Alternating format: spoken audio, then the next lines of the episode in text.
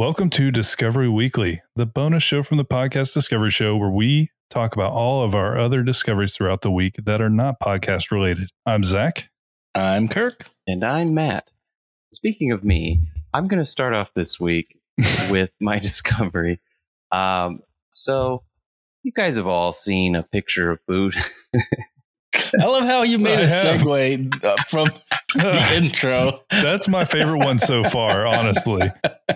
Speaking I'm of sorry, me, I couldn't just now let I'm that gonna go. talk. It was so good I am going because it was so bad. push this to the extreme. No, please do. That When was I my favorite to. one so far. Uh, I, I, I almost 99% of the time, these are going to be terrible. 1% of these are going to be like, wow, that guy's a master at segues. and I pray that listeners only listen to that one time and just assume that I'm a genius. um, well, actually, listen to all of them. But anyway, all of us have seen a picture of food. We've all been in a drive through and we look at the thing, we go, oh, that looks really good. I'm going to get that. And then we get it and it looks like crap, right? Yes, Mhm. yes, everybody. every time. Uh, that's because when food is photographed, there are all these weird things that people do to it. It's called food styling. I'm going to go through a few of the really weird ways that food stylists make food look appetizing in photographs. For example, did you know that ice cream, whenever it's photographed, is mashed potatoes? Hmm. Hmm. Yeah. They use mashed potatoes because it actually keeps its shape and it doesn't melt. So they can take as many pictures as they want. Here's a fun one tacos. Cosmetic sponges keep the shells open so you can see what's inside. Weird, Oh, right? so oh, so Ah. like in the bottom to like, yeah. You stuff it in the middle so that it can't like fold over on itself. huh?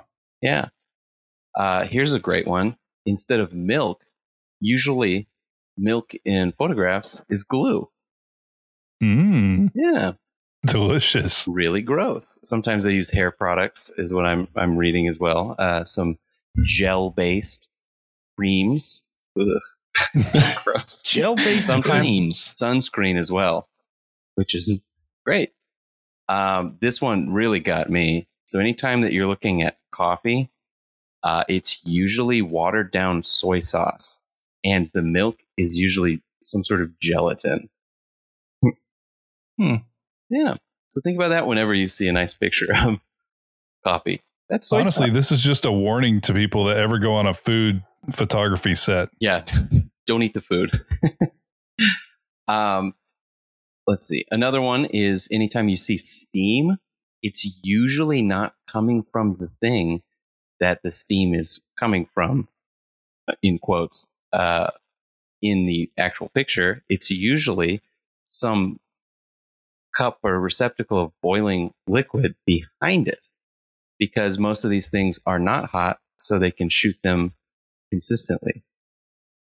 For example, turkey, chicken, all these things are almost always raw, but they blowtorch the skin to make it look really crisp. Hmm. Another thing, grill marks are typically eyeliner. Let's see, what's another one here? Uh, frosty glasses. This this one's interesting because I've been on sets before and we've had our glasses sprayed with water, but you actually put in there a little bit of gelatin in the water and it sticks to the glass. So you Oh, so to the bead doesn't just run down and go away. Exactly. Exactly. You don't have to keep reapplying it. Um, usually in hamburgers, when you see hamburgers, there are layers of cardboard spliced in between all those different layers. So, like where there's cheese, there then there's cardboard, and then there's the burger, and then under that is cardboard, and under the So tomatoes, everything looks cardboard. separated. yeah. And Ah. usually in those cardboard, they use little T pins to keep them elevated, each thing. So it tilts forward and opens it up. Really weird.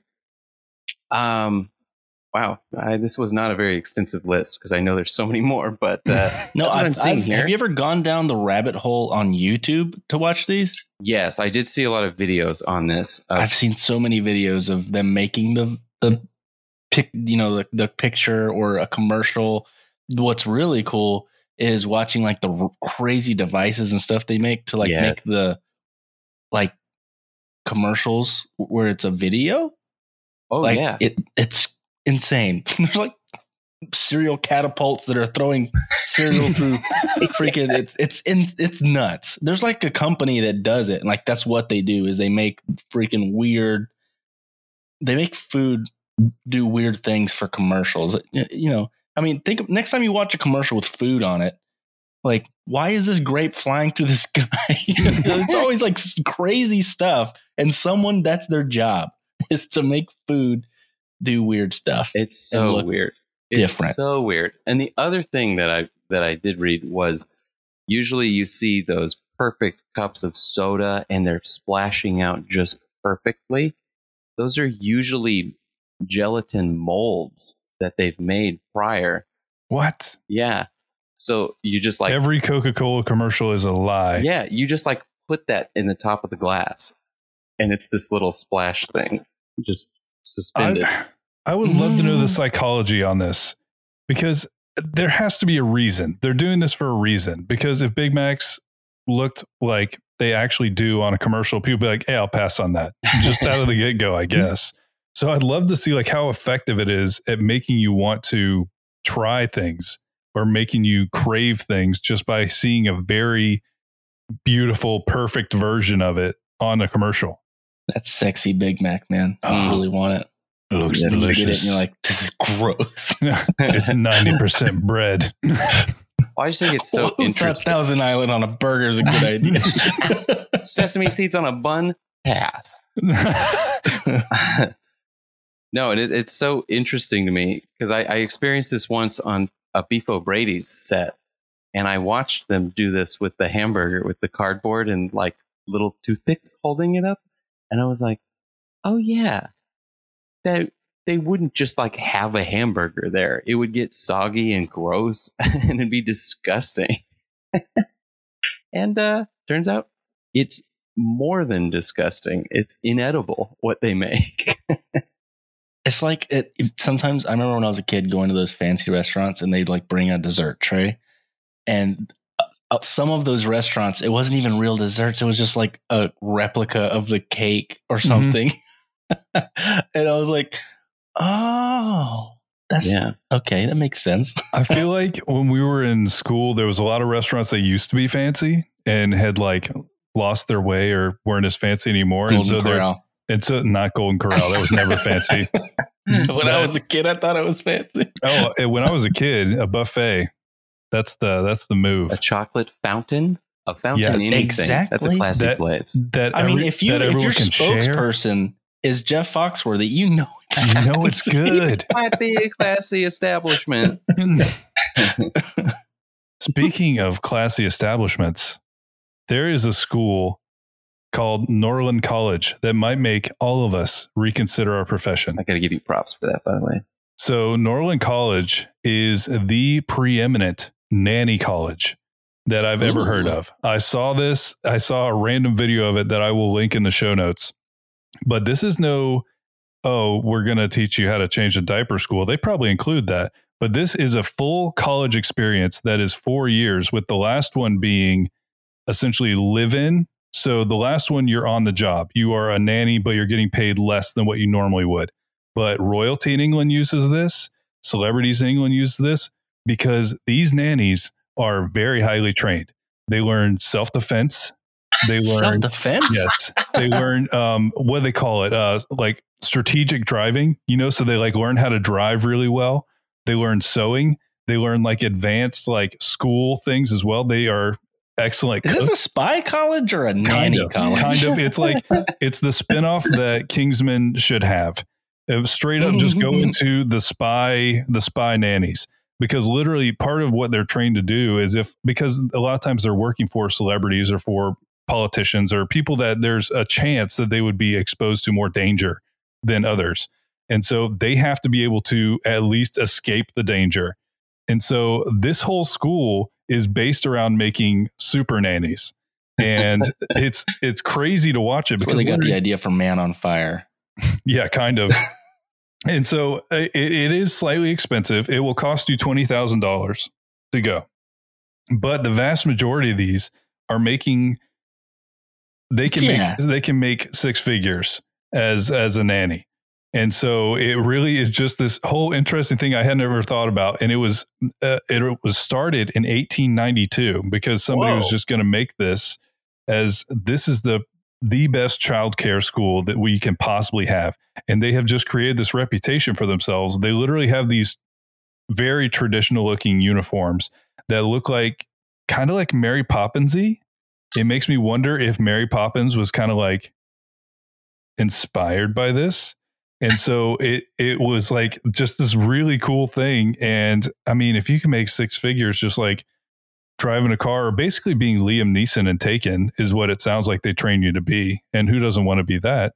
That sounds pretty interesting. But yeah, I will definitely show the uh I'll put the video in the show notes because it's uh pretty funny to watch. Some people, some nannies out there like taking self-defense training and there's also they get tons of first aid training and everything else. I think they take sewing like every year. So they can do anything from fix like a rip in your jeans to making an escape getaway in your car away from some kind of mafia people that are trying to get you. And that's the kind of nanny you want.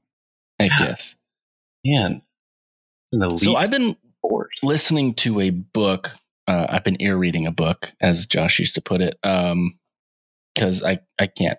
I'm I'm illiterate actually, uh, but I've been listening to a book called Ten Years a Nomad, and it's about this guy that.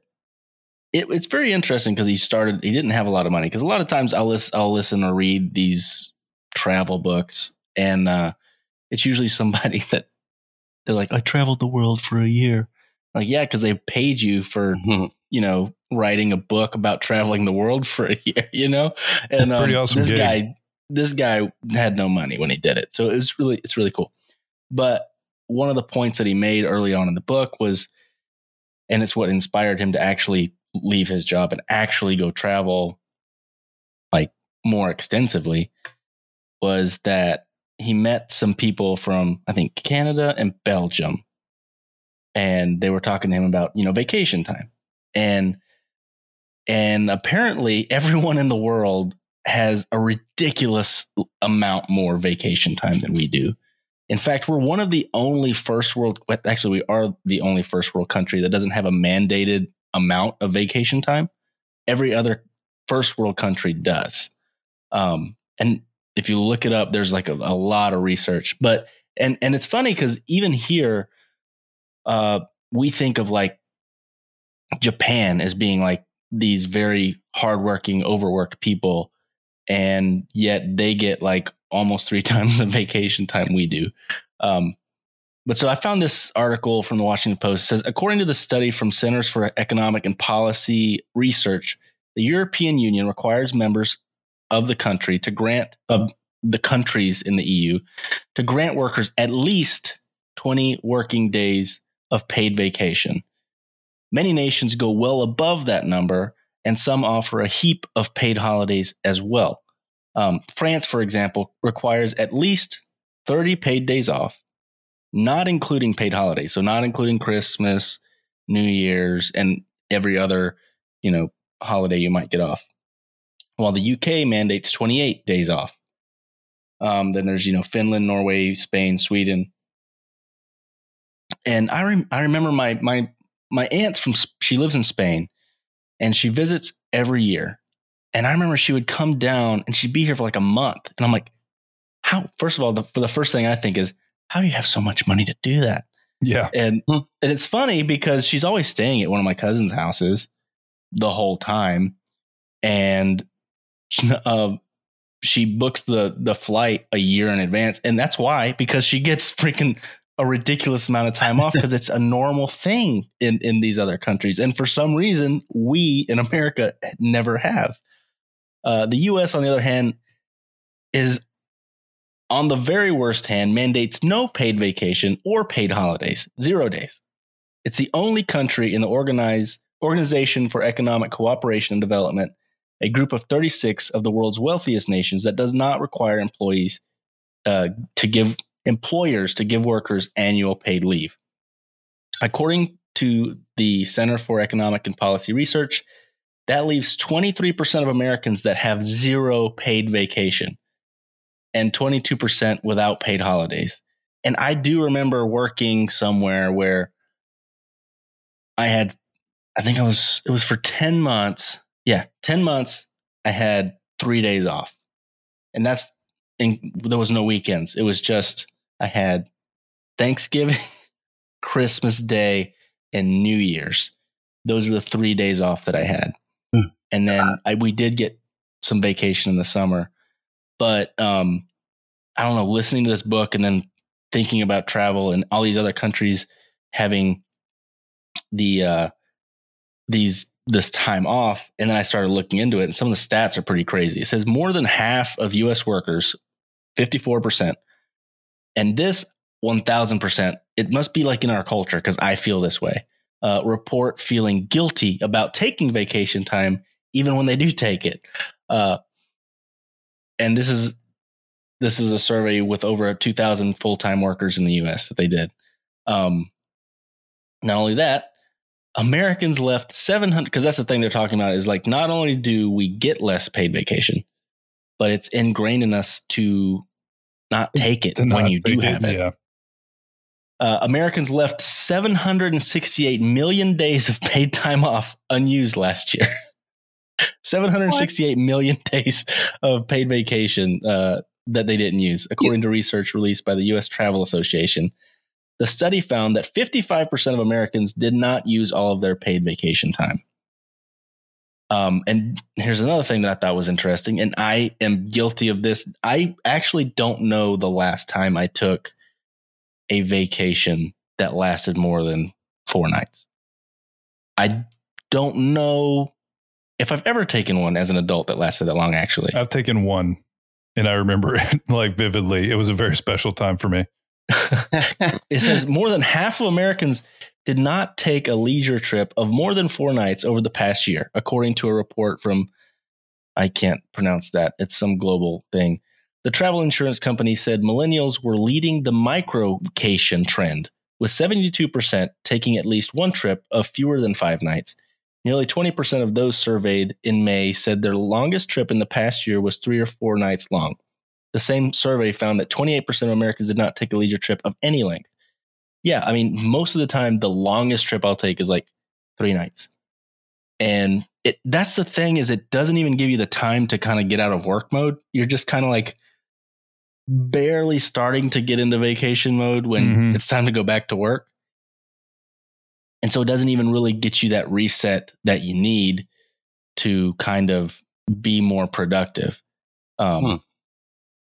And I don't know. It was just, it's pretty crazy. And then, they, of course, there's a lot of other studies about how productive are you actually if you get vacation time. People in these kind of countries are more productive, blah, blah, blah, blah, blah.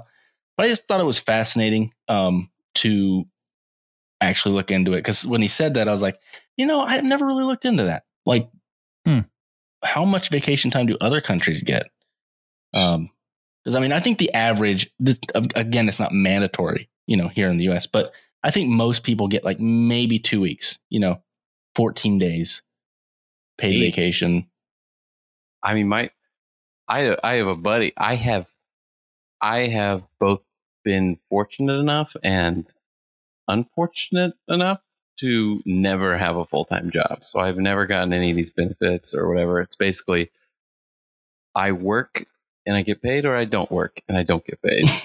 like that's that. But I have a buddy who's been working a full time job for a long time. He just put in his two weeks, and he has like three three or four weeks of paid vacation days that he like they, they were bargaining things for him getting his job and he did, hasn't taken any of them and i'm like man i don't get it i would and maybe it's because i haven't had a full-time job but i'm like i don't care about these jobs because they don't care about me so i'm gonna leave whenever i want to but it's crazy how ingrained it it is that's crazy. I can't believe seven. How many? Seven hundred and sixty-eight million days. Million days. Yeah.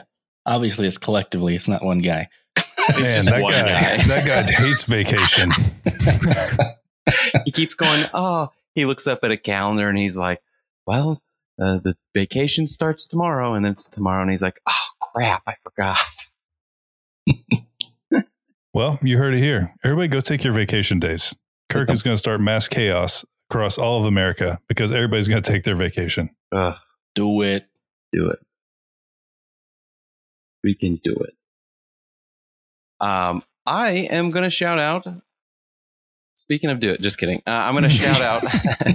I'm going to shout out uh, a great uh, musician who has just released an EP from an album that's coming out. Zach, you know this guy. Uh, you've talked with him about the album, but uh, I'm really excited to see it come out because he hasn't released new music in a long time, and I'm really excited because it's really good. Um, this is Mountain Holler, and the song is called "The Alchemist," and uh, you can find it everywhere that music is. And I'm just really proud of him, and it's it's really good. So I'm really excited about it. It is a very solid album. We'll definitely bring it up again when the album drops because everybody should check it out. It's a really good Mhm. one. Anyway, that's my short discovery.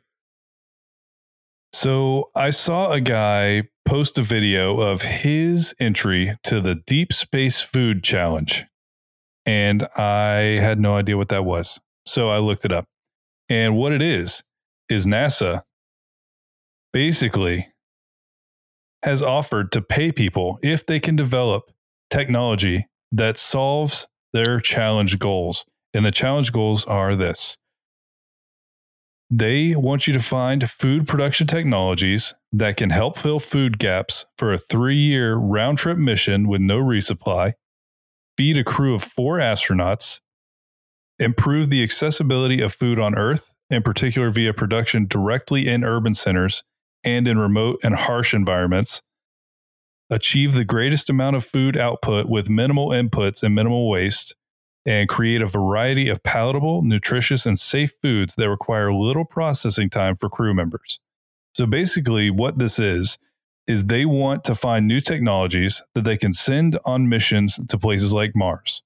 So when crews get to Mars, they can not only like have like a supply of food, but can begin to generate their own food, begin to grow their own food so that essentially they can start the process of making it a livable space, not just like, okay, we ran out of food, now we're all going to die. They want it to be like where they're constantly creating this. And NASA is paying a lot of, a lot for this really. The up to the top 20 top scoring teams will receive $25,000 and be invited to compete in phase 2 and there's also an international section of this where the top 10 international teams will also be recognized because for the most part, this is um, a US and Canadian competition, but they welcome everybody to like participate as well.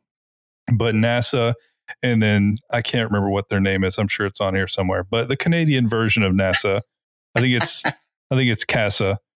Um, Yeah, they, they are also uh, a part of this. A bonus little discovery that I made just because I saw it was on there. They are also sponsored by the Methuselah Foundation, and their stated goal is making 90 the new 50 by 2030. So they're trying to find a way to like increase lifespans like significantly. And I don't I don't know everything they're up to, but it looks like they're really just putting in a lot of money on research to try and find how they can lengthen lifespan. And I just thought that was an interesting sponsor. Um, but yeah, right now they uh they basically have just closed phase one registration and they're about to review who's going to win. So I will check back in on this because soon we will find out who the top 20 inventions are. The new inventions that they think could possibly work in a space mission to a hostile planet to keep them alive. And that sounds I'm confused Tight. though. Isn't the they already invented the easy bake oven? Mm, you're right. Do you want to eat something that tastes like crayons and is in a muffin tin? Because we got the invention for you. Easy bake oven. Boom. NASA, thank you. And NASA, and where's my check? Yeah. Where's my check? Ca- Canadian NASA, you too. Yeah. I just I, I love that little sponsor too, by the way.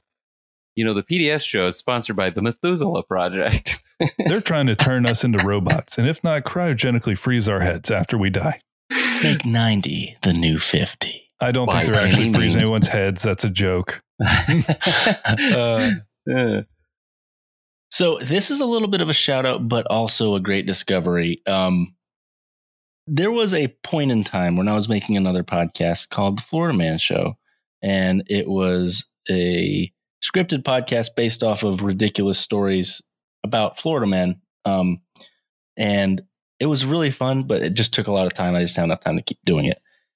But what I ended up doing is the Podfix Network has taken my back catalog of shows that I made it's now a Podfix exclusive, so you can go listen to them. And everyone on the network is uh, able to now write stories, and I will voice them, but I don't have to. I don't have to write them. I don't have to, uh, you know, do the pod, the production and all that kind of stuff. So I'm able to do that.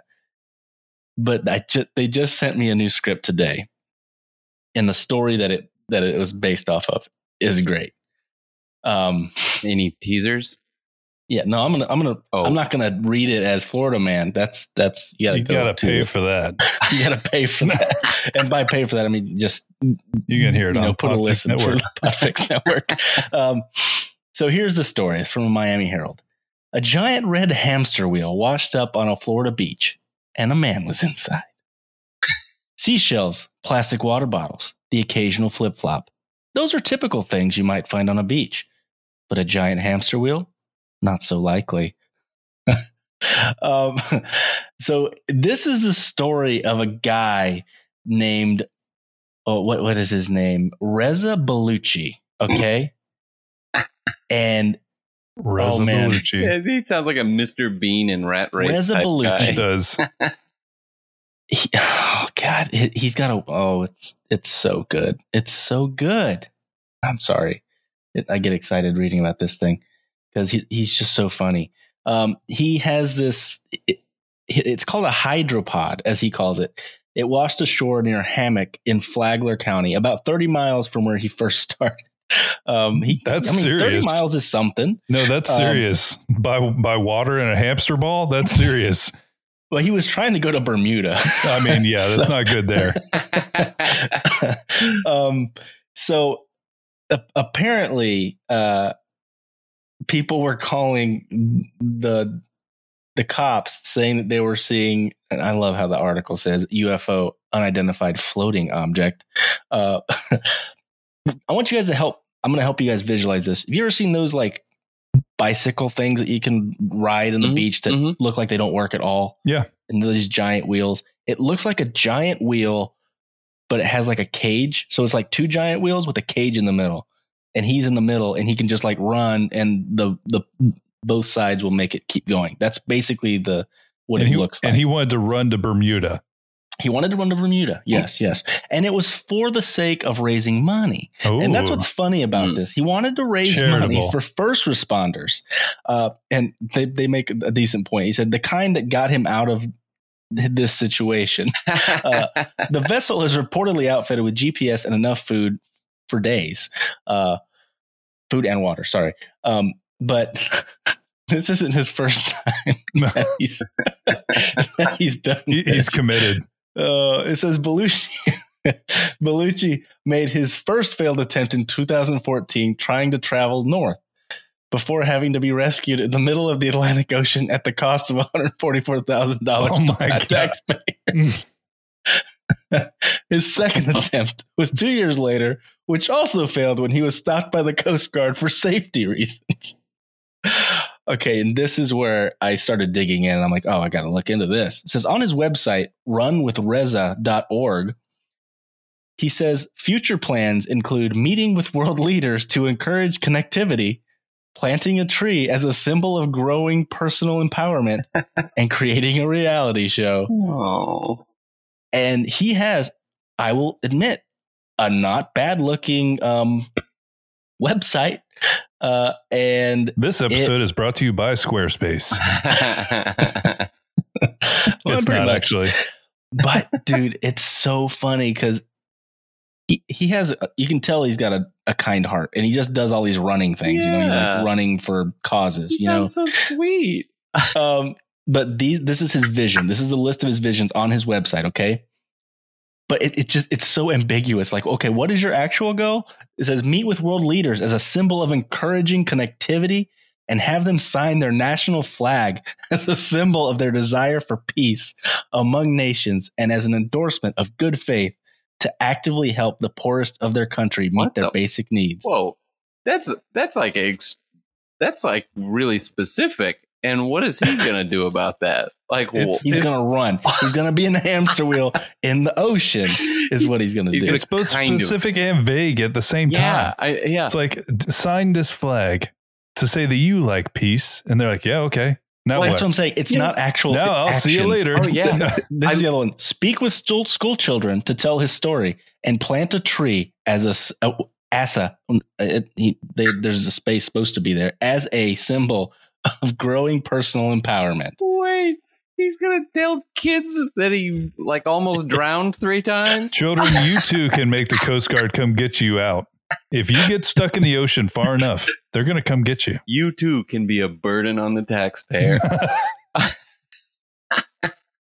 Create a web-based uh, web broadcast along the journey, showing the human spirit of every nation. Where's your okay, internet? see, it's like it is Reza. amazingly vague. The human That's what I'm spirit. saying.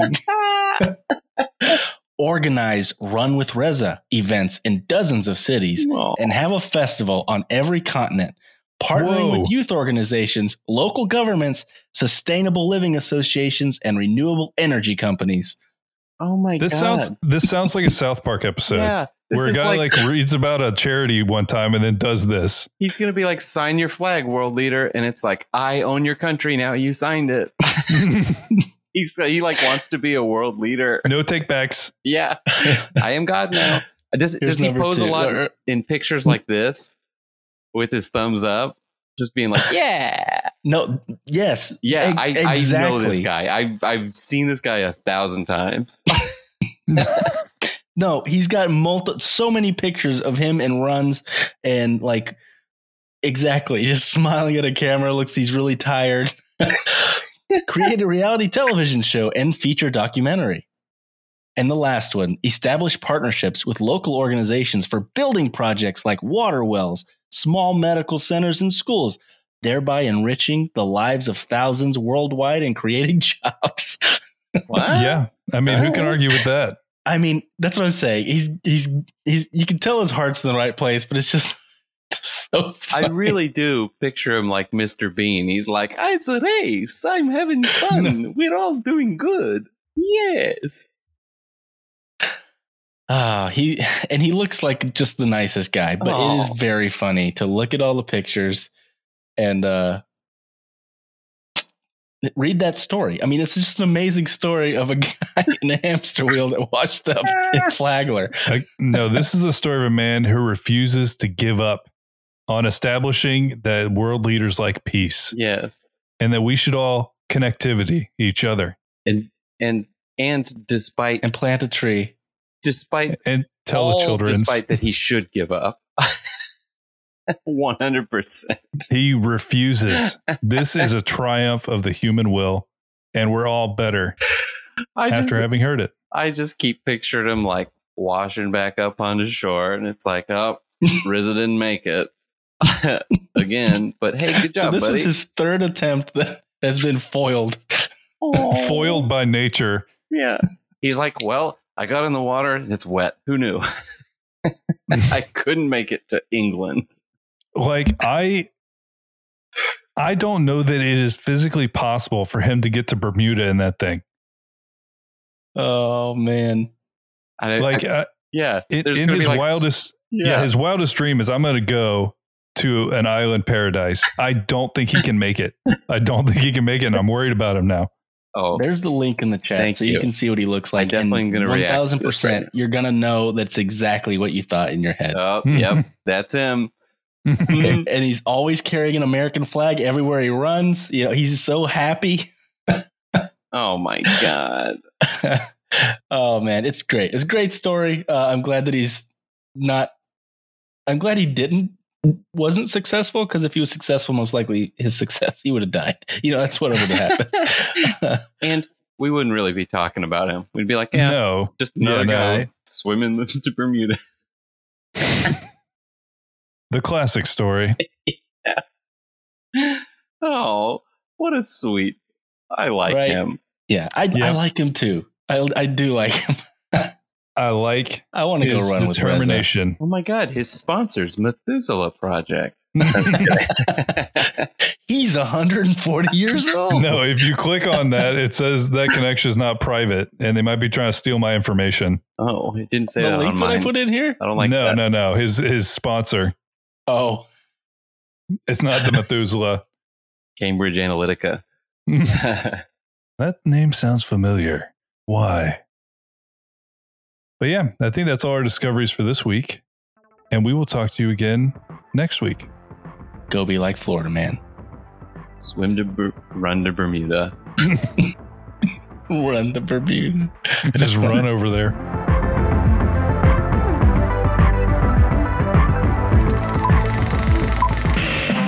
This was a podcast from the Podfix Network. Check out more shows like it at podfixnetwork.com.